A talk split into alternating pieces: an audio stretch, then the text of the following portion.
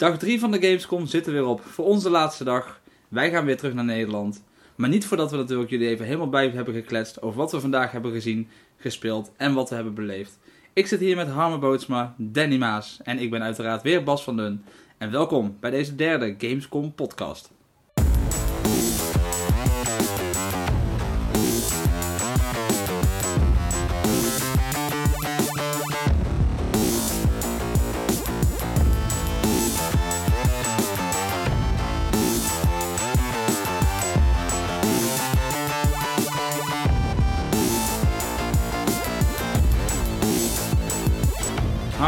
Danny, Ja. de laatste dag van de Gamescom. Klopt. Hij begon heel goed. Hij begon eh, vroeg. Hij begon heel vroeg. We waren weer eh, voor 9 uur op de beursvloer. En de rest van het publiek ook. Ja, inderdaad. Om 9 uur besloten ze toch maar om de deur open te gooien. En Ja. iedereen mocht naar binnen. Dus dat ene uurtje waarin wij nog eh, zo vrij als een vogeltje over de beurs konden lopen, was heel snel gedaan. Ja. Waardoor wij ook gewoon meteen in de wachtrij zijn gedoken. Ehm, samen met Harme bij Warner Bros. Danny sloot iets later aan. De eerste game die we hebben gespeeld vandaag is Harme, Holy VR Batman. Batman. VR. Ja. Batman Arkham VR. Van de makers van Arkham Asylum, Arkham City en Arkham Knight komt nu dus een virtual reality game slash experience. Waarin je als Batman eh je ding doet. Ja. Harme, jij mocht als eerste de befaamde cowl op je kop zetten. Wat vond je ervan? Nou, het was sowieso eh, niet... Wow, ik wou zeggen sowieso de eerste keer dat ik dat ding op hoofd had. Maar ik heb natuurlijk Resident Evil gespeeld. Kan je nagaan hoe snel ik dat vergeten ben. Want eh, Batman VR, Arkham VR was gewoon al gelijk stukken beter. Het beeld was stukken scherper sowieso. En ook de ervaring was veel toffer. Ehm, deze keer had ik move controllers in mijn hand. In iedere hand één. Waardoor ook echt mijn handen, of ja, Batman's handen dan, in de game te zien waren. Wat toch een stuk eh, toevoegde aan de ervaring. Waardoor je toch echt meer het idee had van, oké, I'm Batman. Of zoals Bas het beter kan zeggen, I'm Batman. precies dat. Ehm, de demo was, eh, ja, je, je trok je pak aan en dat was eigenlijk de hele demo. Om het maar even heel snel eh, te vertellen. Daadwerkelijke gameplay hebben ze nog niet laten zien. Dat laten ze nog een beetje aan de fantasie over. Maar ik vond dit in ieder geval super vet om mee te maken. Omdat je gewoon echt die wereld ingetrokken wordt. Echt rondom je heen kunt kijken. Het idee hebt dat je in dat landhuis staat. In de Batcave zakt. En dat als niet per se Batman fan. Dat ik er toch zo van onder de indruk ben. Dat zegt denk ik wel iets over de kwaliteit die Rocksteady aflevert. Want Bas, jij bent wel Batman fan. Ja, inderdaad. Eh, jij was voor mij. En op het moment dat jij eh, de PlayStation VR afzette, keek je me aan. Je gaf een gigantische glimlach en je zei: Jij gaat dit zo leuk vinden. Want er zit een spiegel in de game. En ik dacht: Wauw, een spiegel in de game. Maar inderdaad, op het moment in de game kijkt Batman in de spiegel. En je ziet natuurlijk Batman. Maar elke beweging die je zelf maakt, doet Batman natuurlijk ook. Dat komt door die VR-headset. Dus op dat moment kijk je in de spiegel en zie je Batman. Want jij bent op dat moment gewoon Batman. En ehm, als iemand die natuurlijk Arkham Asylum, City en Night van voor tot achter heeft gespeeld. Eh, heel veel herkenbare dingen. De Batcave is natuurlijk, zoals je hem kent, de watervallen. eh, de weg waar de Batmobile op rijdt. En op het moment dat je die Batcave in komt. Sorry, this is the end of the demo. En mijn headset werd van mijn hoofd gerukt. En Danny was aan de beurt. Ja, het, het was een, een, een, toeval dingetje, want ik stond niet bij jullie in de rij. Eh, ik ben bij jullie komen staan om, om, om te filmen. Niet van uitgaan dat ik zou spelen. En toen zei die gast van, oh wil je spelen? En toen had ik eigenlijk heel e- eerder een soort van schuldgevoel van, ja maar er staan heel veel mensen te wachten. En ik ben een soort van voorgedrongen. En toen hadden jullie gezegd van, doe toch maar, het is erg vet. Het zijn maar Gedaan. Duitsers. Dat, dat is waar, uit. dat scheelt. Die, eh, die moeten maar gewoon wachten. En het was inderdaad een hele toffe ervaring. En ik heb inderdaad eh, eh, eerder Resident Evil gespeeld. Wat, wat ook een toffe ervaring was, alleen vergele- vergeleken met dit, eh, valt dat in het niets eigenlijk. Ja, Eh, de Resident Evil was gewoon een... gewoon qua kwaliteit stukken minder. En, Ja, en, en sowieso. qua ervaring ook. Ja. En, en, Resident Evil was gewoon een game in virtual reality. En dit was veel meer echt een ervaring. Ja, ja want, want inderdaad, op een gegeven moment krijg je een, een, een scherm voor je waar je dan ook de reflectie ziet. En toen heb ik in, eh, expres een beetje raar staan bewegen, omdat je ook die, hoe heet die, die, eh, Die move die controllers. move, ik dacht play, maar move, maakt niet uit. Want je move Play, en plate, ja, move. ja, nou daarom. En, ehm, en, en je zou ook echt de, de, de, de spieren van Batman bewegen zoals... Ja. eh, echte spieren bewegen zoals jij voor de spiegel zou staan. Ehm, Waar jij natuurlijk alles van weet. Ja, ik sta dadelijk voor de spiegel, want ja, je moet toch een beetje je haar doen. Ja. Ja. Ehm, daarnaast eh, doe ik s'avonds ook mijn tanden poetsen, sta ik ook voor de spiegel. Ook belangrijk. Ja, het ging meer om de moves, maar de Ja. grap is nou al... eh, Nee, dat weet ik, daarom verpest ik jouw grap. thanks. Ehm, maar het, het was heel, heel tof. Eh, ik heb heel veel rondgekeken. Ehm, ik heb nog een stukje piano gespeeld. Ja, want dat moest je doen om de Batcave in te komen natuurlijk. Ja, dat wist ik niet eigenlijk. Maar ik dacht van, oh, ik heb sleutel. Hey, daar zit een gat. Ik draai hem om en ik Ja. speel een beetje piano. En toen ging die open en ik, oh, misschien had, moest dat, misschien niet. Geen flauw idee. Naast de piano stond trouwens een hele grote rode telefoon. Hebben jullie die gezien? Ja. Ik vond dat een mooie callback naar de oude Adam West serie. Waar natuurlijk Oh, Batman daar heb een ik niet bij grote stilgestaan. rode maar dat telefoon klopt. had. En gebeld werd Ja. door de politie van, hey, we hebben je nodig. Ja, Gewoon een leuk grapje. Dat, dat, dat klopt. Dat, Ja, Nu je het zegt. eh, Ja. ik, ik heb hem gezien. Hij stond links langs de... links Ja, naast de piano, ja. Ehm, We, nou, we kunnen het eigenlijk wel over eens zijn dat deze game totaal niet eh, slecht nee, was. nou, ik wil nog één dingetje kwijt, wat, wat nu niet benoemd is. Op een gegeven moment ga je eh, met die lift naar beneden. Mhm. En eh, ik had ook echt het gevoel alsof ik naar beneden ging. Ja. En je staat op het plateau en je kunt er overheen kijken. En je weet in je, in je hoofd van, ik sta op de grond. Want hè, Ja, je staat gewoon op de Gamescom. je staat op de Gamescom, maar jouw hersenen zeggen, zeggen tegen mij, denk niet te dicht bij die rand, want anders flikker je naar beneden. Ja, je hebt het idee dat je in de lift staat. Ja, Ja. Dus, dus ik was ook heel voorzichtig over die rand heen aan het kijken. In plaats van dat ik daar naartoe liep.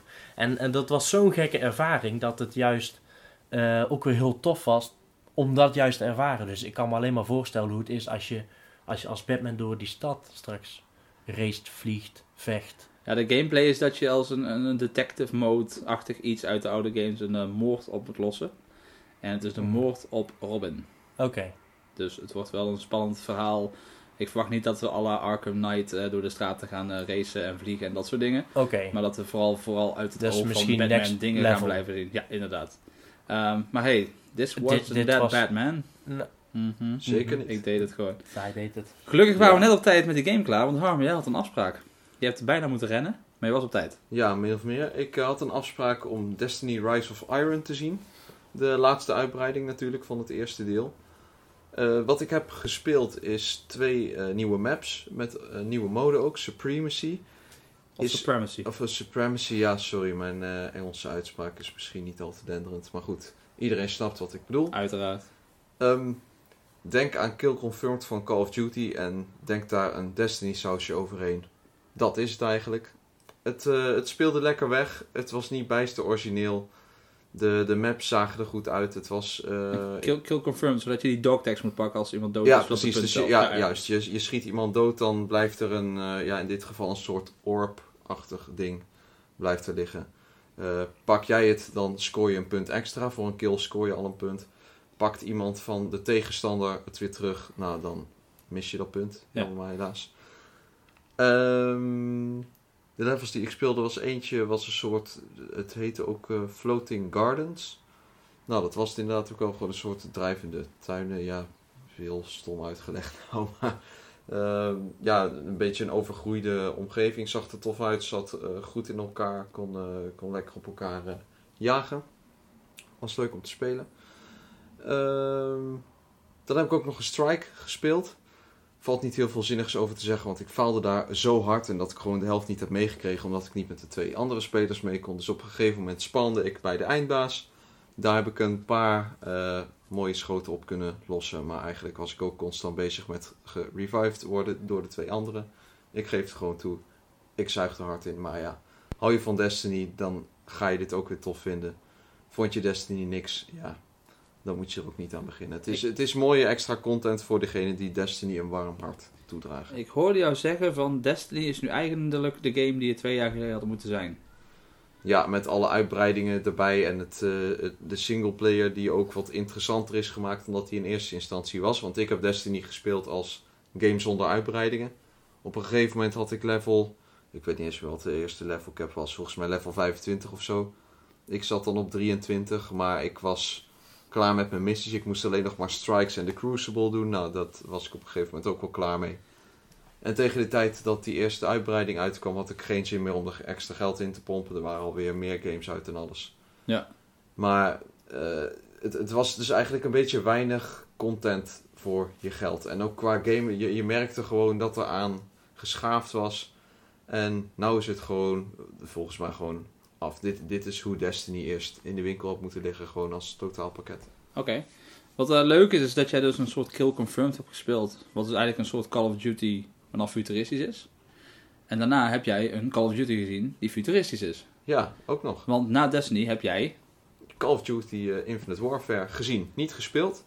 Het was een, eh, een gameplay demo die niet, die niet eens live werd gespeeld voor me, maar eh, van tevoren was opgenomen. Werd wel netjes geïntroduceerd trouwens door mensen van Infinity Ward. Ja, Ja, en er werd heel goed op spatiebalk gedouwd.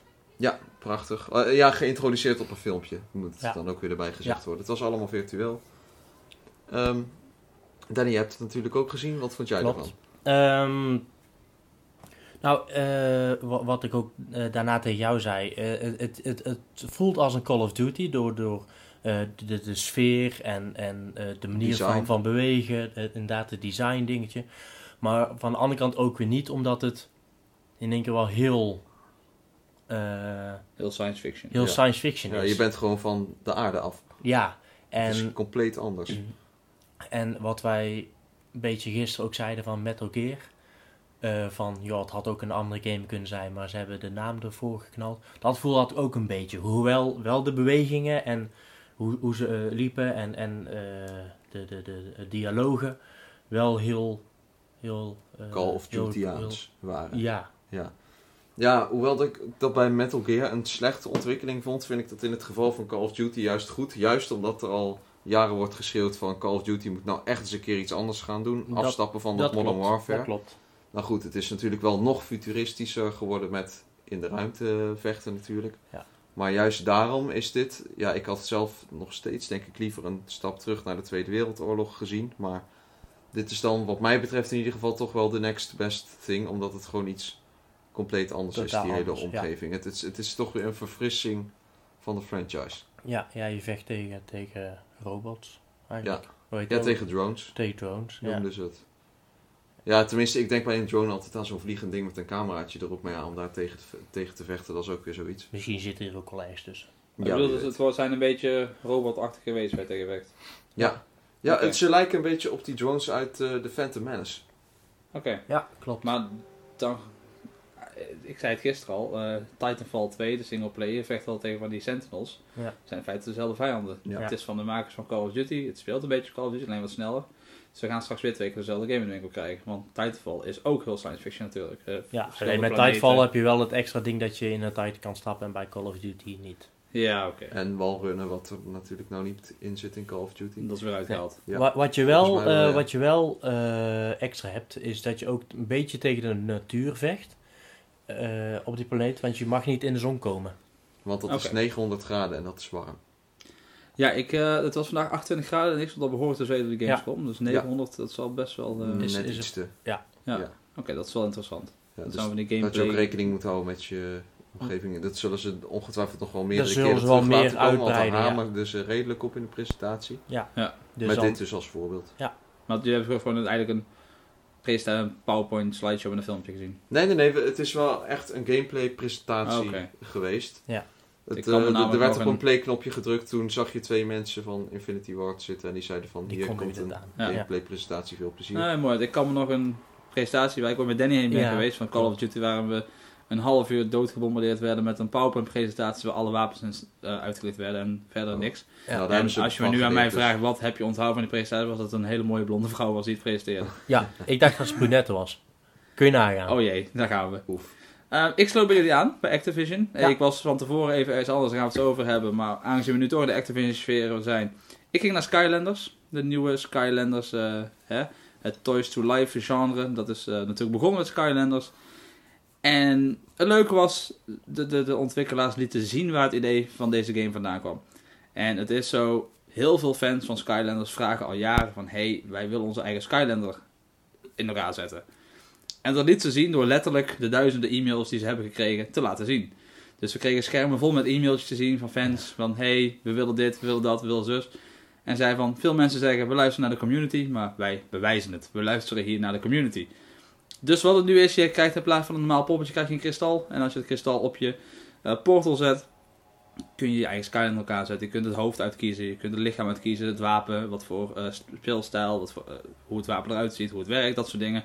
De moves, maar bijvoorbeeld ook de kleuren van de pakjes. Je kunt eh, kiezen ehm, een, een, een tagline, dus wat jouw Skylander zegt op het moment dat hij begint. Nou, mijn elf die ik in elkaar gezet, die zei iets ehm, Fear my hilarity. Dus ik ging een beetje de humoristische kant op. Heb hem heel groot gemaakt, groot hoofd, sterke armen. Maar het stemmetje werd uitgesproken door een heel klein kind. Dus dat maakt het ook weer extra grappig. En zo zijn er echt letterlijk duizenden combinaties om een Skylander in elkaar te zetten. Dat was leuk. Ehm, interessant vond ik ook dat toen ik mijn Skylander op die portal zette, ik in een Crash Bandicoot eh, wereld terecht kwam. Want Crash Bandicoot is terug. En het is Crash Bandicoot zoals ik het ken van de PlayStation 1. Eh, ik zei het ook tegen die ontwikkelaar van, zo, het is interessant dat dit nu de eerste Crash Bandicoot is die ik leuk vind om te spelen. Eh, sinds Activision Crash Bandicoot is gaan maken, want jeetje, die hebben slechte Crash Bandicoots uitgebracht. Maar eh, ja, Crash Bandicoot is speelbaar, dus als speelgoedje te verkrijgen, je zet hem op je portal. Leuk is dat ze op de Gamescom ook Dr. Neo Cortex hebben aangekondigd. Dat was de vijand uit alle Crash Bandicoot spellen natuurlijk. En Met de grote N op met de grote N op zijn voorhoofd. Die is dus ook te verkrijgen als speelgoedje. En Chaos, dat is de vijand uit Skylanders. Die is nu ook eindelijk speelbaar. Te koop als speelgoedje. Alleen ze zeiden wel, Chaos heeft zichzelf gekloond. En of Chaos of de kloon vecht nu met je mee. Alleen ze zeggen niet of het nu Chaos of zijn kloon is. Dus je weet niet met wie je speelt. Maar daar ga je in het verhaal natuurlijk achter komen. Ja. Ehm, 300 plus speelgoedjes liggen al in de winkel. En daar komen er gewoon weer een hele hoop bij. Nou, dan kun je even vooruit. Dus wil je alles spelen, dan zul je hele rijke ouders moeten hebben. Maar het zag er weer leuk uit, de Skylanders. En eh, dat is leuk voor kleine kinderen, voor volwassen mensen en alles wat ertussen zit. En het ziet, er, het ziet er grafisch ook nog eens heel leuk uit dit keer. Wat ik me nou afvraag met het ontwerpen van je eigen Skylander, hebben ze ook nog iets verteld over de mogelijkheid om je, eh, jouw gecreëerde Skylander te uploaden of zo en dat daar dan het echte poppetje van thuis gestuurd wordt? Of- Nee, daar hebben ze niks over gezegd. Ik denk niet dat dat gaat gebeuren. het zou een- wel heel tof zijn. het zou heel tof zijn, want dan maak je in feite je eigen speelgoed. Daarom. Ehm, misschien dat die markt ooit nog wel gaat komen. Ik denk nu, misschien met 3D-printers moet het natuurlijk tegenwoordig kunnen. Wat wel leuk was, is dat ik mijn e-mailadres achter moest laten en dat ik een digitale versie van mijn Skylander toegestuurd krijg. Dus ik ben benieuwd Next wat dat gaat worden. Dus dat is leuk. Ja. Waarom ik niet bij Destiny en Call of Duty was? Ik moest naar 2K. En daar heb ik ook leuke dingen gezien. Waaronder Civ 4. 6. 6, sorry. Ja. Civilization 6. En toen ik dat zat te spelen, ging er maar één gedachte door mijn hoofd. En dat was, ik hoop dat hij luistert. Kevin Blokland, godverdomme man, wat mis ik jou. Ik zat achter die pc, ik had net een presentatie gehad. En ik snapte het gewoon niet. En ik, ik had een landschapje, ik had een paar warriors en ik had een scout. En ik was rond aan het lopen en ik bleef rondlopen. En ik kwam vijanden tegen, dus mijn, warriors werden afgemaakt. Dat ik alleen nog maar scout. En ik was op zoek en ik zag om me heen dat er mensen allemaal steden aan het bouwen waren. Hoe doe je dat? De ontwikkelaar had geen tijd om me te helpen. En na een half uur was ik er nog steeds niet uit hoe ik mijn eerste huisje moest bouwen. Dus ik heb letterlijk een half uur een beetje over de map gelopen. En een beetje op mijn watch zitten kijken van... Hey, is dat half uur al voorbij? Kan ik al weg? Want ik schaam me kapot hier. En ik heb geen idee wat ik moet doen. En ik kan verder geen zinnig woord erover zetten. Behalve, ja, het ziet er beter uit dan Civ 5. En eh, het kan nieuwe dingen. Maar hoe je het moet doen, I don't know. Ik vond bij 2K andere games interessanter. Zoals daar zijn. Sorry? Zoals daar zijn. Daar zijn. Zoals, Oh, vertel. Oké, nee, goed. Ehm, Mafia 3. Ehm, kan ik heel makkelijk omschrijven. GTA op zijn Mafia. Dat is het eigenlijk gewoon. Het, als je het naast GTA 5 zou leggen, zou je misschien moeite hebben. Voor de niet-kenner zou moeite hebben met eh, wat die nou zit kijken. Is het GTA, is het Mafia? Hetzelfde soort game. Grote stad, eh, gebaseerd op New Orleans. Leuk is wel dat ik eh, de gameplay zag. Eh, er werd een moord gepleegd, er werd uit een gebouw ge- eh, gegooid. Maar dat je daarna een soort recap van je missie zag. Maar dan niet gameplaybeelden, maar nieuwsuitzendingen over de moord die had gepleegd. Dus mensen die bang op straat stonden van ja, een harde knal en keken om, lag er op de auto een man en glas viel naar beneden. En in de lobby begonnen mensen te schieten. Dus op die manier werd jouw verhaal cool. opnieuw verteld in die jaren 60 stijl. Eh, je hebt keuzes tijdens spelen. Ga ik guns blazing eh, een gebouw in of ga ik een auto jatten via de garage? Leg ik er met de size alles om? Dus je hebt meer mogelijkheden dan in een GTA. Het zag er goed uit. Eh, hij komt al vrij snel uit. En eh, ja, het is wel zo'n game die ik zou willen spelen. Ja, klinkt Tof, goed. En, dan, ja. en wat heb je er nog meer gedaan daar? Ik heb nog twee andere games gezien. Eigenlijk vier. De eerste is NBA 2K17. Basketbal of sport? Basketbal, jou. ja. Ehm, wat ik gisteren zei over PES, over dat gewicht in die personages en dat animaties niet klopten, daar heeft NBA 2K17 geen probleem mee. Dit spel ziet er zo ongelooflijk goed uit. Ik speel een Xbox One versie en echt, je ziet de poren je open gaan, zweet eruit komen, shirtjes bewegen zoals ze moeten. Als mensen tegen elkaar knallen, zie je de spieren impact op elkaar hebben. En het speelt de partij lekker weg. En ehm, de bal afpakken, nou, netje rennen, een driepunter scoren. Het was gewoon lekker om te spelen. Ik heb ook verder geen verstand van basketbal. Ik weet net hoe je NBA speelt. Maar dit was leuk. Het is Ja. geen game die ik thuis ga spelen, maar dit was leuk om te doen. Oké. Interessanter was die andere drie games. Of waren, maar was ook. Want het is één game. En dat is de Bioshock Collection. Ik heb Bioshock 1, 2 en 3 even gespeeld. Ja, ze zijn geremasterd. 1080p, 60 frames per seconde. Bioshock 1 zie je duidelijk van die ziet er een stuk mooier uit. Bij Bioshock Infinite ziet het wat minder, omdat die natuurlijk veel later is gemaakt. En ja, verder zijn het gewoon dezelfde games, inclusief alle singleplayer DLC. Heb je ze niet gespeeld zoals ik, is het misschien interessant. Heb je ze al gespeeld dan? Ja. Wat ik wel jammer Of je vond... moet een echte fan zijn en je wil hem in je collectie Juist. hebben. Wat ik jammer vond, en ik weet niet of dat een uiteindelijke game gaat zijn. Ik zat Bioshock 1 te spelen en ik vroeg aan die ontwikkelaar van... Hey, hoe kom ik nu in Bioshock 3? En ik moest mijn game afsluiten en het Xbox menu Bioshock 3 opstarten. Dus daar werden gewoon drie aparte games op de hardschijf geïnstalleerd. Hmm. Ik hoop straks, als die game uit gaat komen, dat er gewoon een menu in zit waarvan je kunt switchen. Want dit vond ik eigenlijk een beetje nep. Ja. Ja, want dan zou het bijna als backward compatibility zijn. Juist, het is gewoon inderdaad dat idee met Ja. een betere grafische weergave. Dat was het Hm, inderdaad. Apart. Ja. ja. Harme, wij hebben samen een kaartgame gespeeld. Ja. En jij Nou, snapte er niks. Het was een ja. beetje jouw Civ 6. Ja, ik wou net zeggen, ongeveer wat jij bij Civ had, had ik bij hoe- Gwent. Ben de hele tijd de naam kwijt. Ik denk de hele tijd Smite. Ik heb het zelfs tegen PR-dame gezegd die daar zat. Van I'm here for, to see Smite. Ze zei uiteraard helemaal niks. Maar Leuke side note, er stond gigantisch groot Gwent op dat t-shirt. ja, dat was nog het allerpijnlijkste. Maar goed, ik liep weg. Toen dacht ik van, hmm, shit, volgens mij heette die game helemaal niet zo. Maar dat, dat terzijde. Ehm, we zijn daar samen heen geweest. Ik had eigenlijk de afspraak, maar ja, had toch niks beters te doen. En het is een card game en die liggen jou wel. Eh, en ik ben echt, ik dank jou op, je, op mijn blote knieën dat je mee bent gegaan. Want ondanks dat de, de gast die je presenteerde had echt de beste met iedereen voor, zei zelfs van, nou, als je dit spel niet begrijpt, zeg het alsjeblieft, want dan doen we als ontwikkelaars iets mis. Ik heb maar wijselijk mijn mond gehouden, want iedereen ging ermee aan de slag. Maar ik snapte echt geen ene zak van wat ik moest doen. En toch Ik won heb- je. Ja, toch won ik. Dat kwam doordat eh, iemand eh, mij iedere zet die ik moest doen in mijn oor influisterde. Ik zal geen namen noemen. Maar eh, echt waar.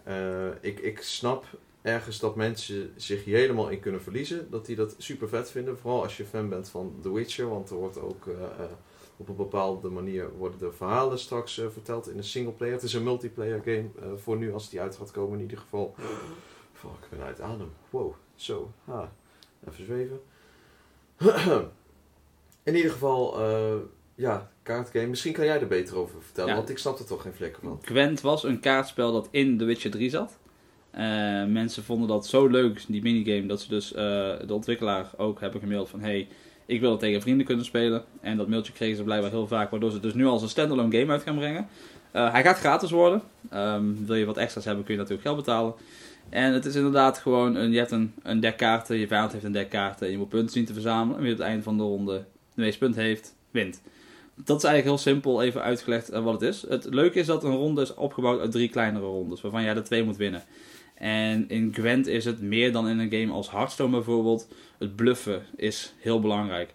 Dus eh, je krijgt zeg maar een x aantal kaarten, maar dan moet je alle drie de rondes mee doen. Dus als jij nu meteen al je goede kaarten op tafel legt, ehm, dan ben je ze ronde 2 en 3 kwijt. Als jij denkt van nou deze ronde ga ik winnen, want ik sta voor en ik denk dat hij niet zo'n goede kaart heeft, zeg je pas, je mag die ronde niks meer leggen. Je tegenstander heeft nog even een beurt om te kijken of hij iets kan doen. Lukt dat niet, win jij de ronde, gaan we naar de volgende ronde. Weet je tegenstander je toch nog te overtreffen, jammer, je hebt gepast, je hebt verloren.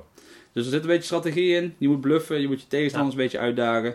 Eh weerseffecten, je kunt bijvoorbeeld eh, het speelveld bevriezen, waardoor bijvoorbeeld eh, melee soldaten minder sterk zijn. Je kunt ehm, eh, eh, mist over het veld gooien, waardoor archers niet meer zien waar ze heen schieten, dus die kaarten zijn minder sterk. Je kunt dingen buffen natuurlijk, om je kaart sterker te maken. En er komt inderdaad later een singleplayer bij. Dat vond ik een beetje raar. En dat is omdat het een soort landkaart was waar je overheen liep met Geralt uit The Witcher. En een verhaal, oké, helemaal goed. Maar het was een halve RPG light. Ja. Terwijl ik zoiets had van, maar de RPG-spelers vragen je om deze game los te maken. Dus nu maak je de game los en duw je er een RPG in.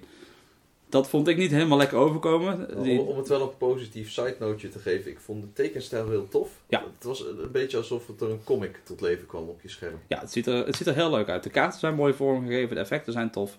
Alleen dat gedeelte had voor mij anders gemogen. Als ze dan toch een singleplayer game hadden gewild met een verhaal erin, geef dan gewoon korte cutscenes tussen een, een, een kaartspelletje en ga verder. Ga niet gewoon rondlopen.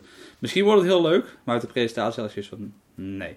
Ja, het- maar het was ook nog een vroege versie, zei die ontwikkelaars. Ze Ja. moesten er nog iets, eh, het een en ander aan schaven. Het werd nog wat mooier, wat effectjes erbij. Maar Precies. misschien moest er ook nog aan de vorm gewerkt worden. Ja, precies. We zijn er gewoon nog niet aan gewend. Nee. Ja, mooi hoor. Maar Ja, toen ik eh heel even mijn oogleden van binnen aan het bekijken was, yes. eh, zijn jullie ook nog naar iets heel speciaals geweest? Ja, dat is eh, de laatste game waar we het over gaan hebben vandaag. Want volgens mij hebben we de rest allemaal besproken. Ja. En er is een reden dat ik dit eh, als laatste wil. Want dit was voor mij het hoogtepunt van de Gamescom. En leuk is dat het ook Harmers hoogtepunt van de Gamescom was. En daar ben ik heel blij om. Omdat ik het hier heb over Star Wars Battlefront en dan de VR-missie die uit gaat komen voor de PlayStation 4. Ehm, als ik nu zou zeggen, oh, beste van de Gamescom, denk ik allemaal, hè, ja, maar hè, Bas, hè, Star Wars fan, hè, de. Tuurlijk vindt hij dat leuker dan Star Trek VR, de, want Ja. hij is Star Wars fan. Maar wat de ontwikkelaar hier flikt, is zo goed, dat iedereen die dit speelt, speelt gewoon geweldig gaat vinden. Ehm, misschien is het ook gewoon beter dat Harmer even uitlegt wat we hebben gedaan. Nou, wij zijn gaan zitten. En eh, nee, ik zal het eh, niet op zijn, eh, zijn kinderen voor kinderen eens uitleggen. Ehm, Star Wars Battlefront krijgt, ik durf even geen datum te noemen, maar krijgt een downloadable VR-missie exclusief voor eh, PlayStation VR. Gratis. Gratis, niet onbelangrijk. En wat je daarin kunt doen is, eh, ja, fuck. Jij, bent jij bent veel meer van die termen dan ik. Ik kan het wel. eh, de demo begon met een X-Wing in een, eh, een soort van eh, witte omgeving waar je omheen kon kijken. Natuurlijk heb je de PlayStation VR op je hoofd, dus jouw bewegingen zitten weer in de game. Gewoon een controller in je hand, geen PlayStation Move, dus je handen die zijn niet belangrijk hier. Ehm, dat was al tof. Ik vond het al geweldig om gewoon om die Xbox, of om die Xbox, om die X-Wing heen te kijken. De details die ze erin verwerkt hebben, echt tot in de puntjes kloppen ze. Toen kwam het moment dat ik een trapje op ging en in de cockpit ging zitten. En de ontwikkelaar jou een tip gaf over een Easter egg. ja, maar voordat het zover was, dacht ik al... Ik zat in die cockpit, ik keek naar alle knopjes. Ik keek achterom, ik zag dat er een R2 achterin zat. En ik dacht, ja, ik ben gelukkig op dit moment. Ik ben heel blij nu ik dit zo heb. En toen zei de ontwikkelaar inderdaad... Hé, hey, er zit daar ergens een klein knopje, druk daar eens op. Dus ik kijk daarna, druk op de knop en ik zie dat mijn vleugels open gaan. Nou zal iedereen die niks met Star Wars heeft, zoiets hebben van... Ja, een X-Wing die zijn vleugels open doet, wauw, hè, daar zijn ze voor. Maar geloof me, als je in die X-Wing zit, dan is dat tof toffer was toen hij zei, druk maar op X, want dan gaan we de missie doen. En ineens vloog ik in die X-Wing, in de ruimte. En je hoort over de headset een beetje het verhaal. Dus er is een, eh, je zit bij een rebellenvloot, daar vlieg je een beetje nonchalant doorheen. En alles lijkt goed te gaan, tot er ineens een noodoproep komt van... Hé, hey, er is ergens een groep van ons aangevallen. En er zijn wat X-Wings nodig om daar een schip te beschermen. En gelukkig werd ons schip uitgekozen natuurlijk om daarheen te gaan. Want anders zou het wel een hele saaie demo zijn. Dus, ehm, nou ja, de coördinaten werden ingezet. Lightspeed, wat er trouwens echt fantastisch uitzag vanuit eh, VR. Want hey, je zit in die cockpit. Je Ja. kunt om je heen kijken. En het mooie is, een X-Wing heeft natuurlijk meerdere ramen. Rechts, Ja, links, boven, voor je. Dus ik keek mijn ogen uit. En dan ineens zit je in dat gevecht. Gewoon, er is geen inleiding. Je komt uit lichtsnelheid en het gevecht is gewoon bezig. En eh, het was niet meer dan rondvliegen om de cruiser die je moet beschermen. Overal TIE Fighters en aan ons om het te beschermen. Ehm, dus wat je doet is, je, je gaat sturen, je richt, je schiet. Misschien een torpedootje erachteraan. Het klinkt heel simpel, want het is eigenlijk gewoon die mode die al in Battlefront zit. eh, waarin je met vliegtuigen op elkaar jaagt. Dat is in, feite hetzelfde idee, alleen dat je nu in die cockpit zit. Het was zo, zo vet. En zo goed gedaan. Ook gewoon, je lokt op iets en in plaats van dat je naar die TIE Fighter kijkt, kijk je even opzij. Naar die vleugels waar die kogels uitkomen. Je ziet heel je cockpit oplichten door die rode laserstralen. Eh, alles klopte gewoon. Het geluid klopte. Eh, je hoort de rechtermotor, je hoort de linkermotor. Draai je even met je hoofd, dan hoor je dat geluid verspringen. Je zit boven je te kijken, zie een X-Wing om, om, overvliegen. Je draait snel om, schiet hem weer af. Ik had 21 kills in een paar minuten. Harm had er 6. Thanks. Ja, ik moest het even benoemen. En toen Imperial March. Ik dacht, yes, nu gaat het gebeuren. Hup, Star Destroyer boven mijn hoofd. End of demo. Ja, ze teasen je. Ja, En enorm. Er gaan gesprekken dat dit een soort Rogue One inleiding gaat worden. Dus als dat het echt gaat zijn, logisch. Ze willen natuurlijk nog niks van die film weggeven. Maar ik had wel meer gewild. Ja, wie niet? Je hoorde alleen maar enthousiaste reacties. Ze hadden bij EA een, eh, een soort message wall gemaakt op het eh, standje. Want het was, eh, er was maar heel weinig uit. Volgens mij stonden er maar drie of Drie, vier ja. eh, consoles. Ehm, en op de muren aan de buitenkant van dat hokje kon je boodschappen achterlaten. Ja, en die werden dan meegenomen naar de ontwikkelaar en die worden daar neergezet. Ja, nou, er lag een grote zwarte stift bij. Ehm, mooie tekeningen gezien van, eh, van TIE Fighters, van X-Wing. vooral de X-Wing zag er heel gaaf uit. Ehm, Maar die Ja. boodschappen die er stonden van jeugddroom die uitkomt en bedankt voor dit en dit is echt de volgende generatie games en ik, ik zag echt op zo'n poëtische manier: This is what I always wanted. juist. Maar dat is het ook. Dit, dit is wat je wil als Star Ja. Wars fan, maar ook als gamer zijnde. Want ze, ze praten wel eens over immersion in games, het opgeslokt worden door games, Ja. maar dit is Ja. de volgende stap. Dit, dit is Ja. gewoon echt. Ik had niet het idee dat ik in een kamertje zat met een headset op mijn hoofd. Ik had echt het idee, ik was gewoon echt even weg. Ja. Gewoon Ja, maar dit, helemaal. dit, dit is dus een, een, een, een jongensdroom. Want vroeger zat je in je kamer, zat je in je eigen X-Wing te Ja. spelen. En nu zit je in je eigen X-Wing wing te spelen. Ja. En, en dat is natuurlijk het hele mooie. Maar ik heb nog wel even een vraagje meer qua kwaliteit. En aangezien Harme drie VR's heeft gedaan. Hoe, hoe was de kwaliteit ten opzichte van, van Batman en ten opzichte van Resident Evil dan? Daar ben ik wel benieuwd naar. Ja, Resident Evil was duidelijk het minst. Daar, die hebben we als eh, eerste gespeeld. Eh, ik was van tevoren altijd al een beetje eh, sceptisch over VR. Want ik heb de, ik geloof, tweede development kit van Oculus Rift geprobeerd. Dat was niet al te denderend, heel veel pixels. Bij Resident Evil was dat al een stuk minder. Maar ik dacht, oeh, dit is het toch nog niet helemaal. Dat heb ik ook in de podcast van gisteren, was het geloof ik, eh, uitgebreid verteld. Maar dat was eh, bij zowel Batman en bij Star Wars eigenlijk nog meer of minder het geval dat die kartels... Ja goed, je kan wel pixels zien, maar het is echt niet storend. Het haalt je niet uit de ervaring. Nee. Tuurlijk, het kan beter. Maar het is, het, het is voor nu goed genoeg.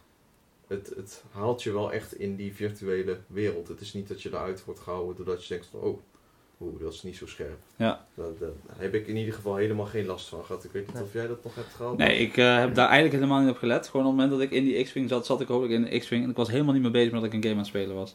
Ik zat echt gewoon in die missie en ik wilde die TIE Fighters eh, kapot eh, maken. En ik wilde mijn schip beschermen. Eh, torpedo's, eh, eh, alles. Het was gewoon Star Wars ik zat erin. En dat is wat ik al wil sinds ik vier was.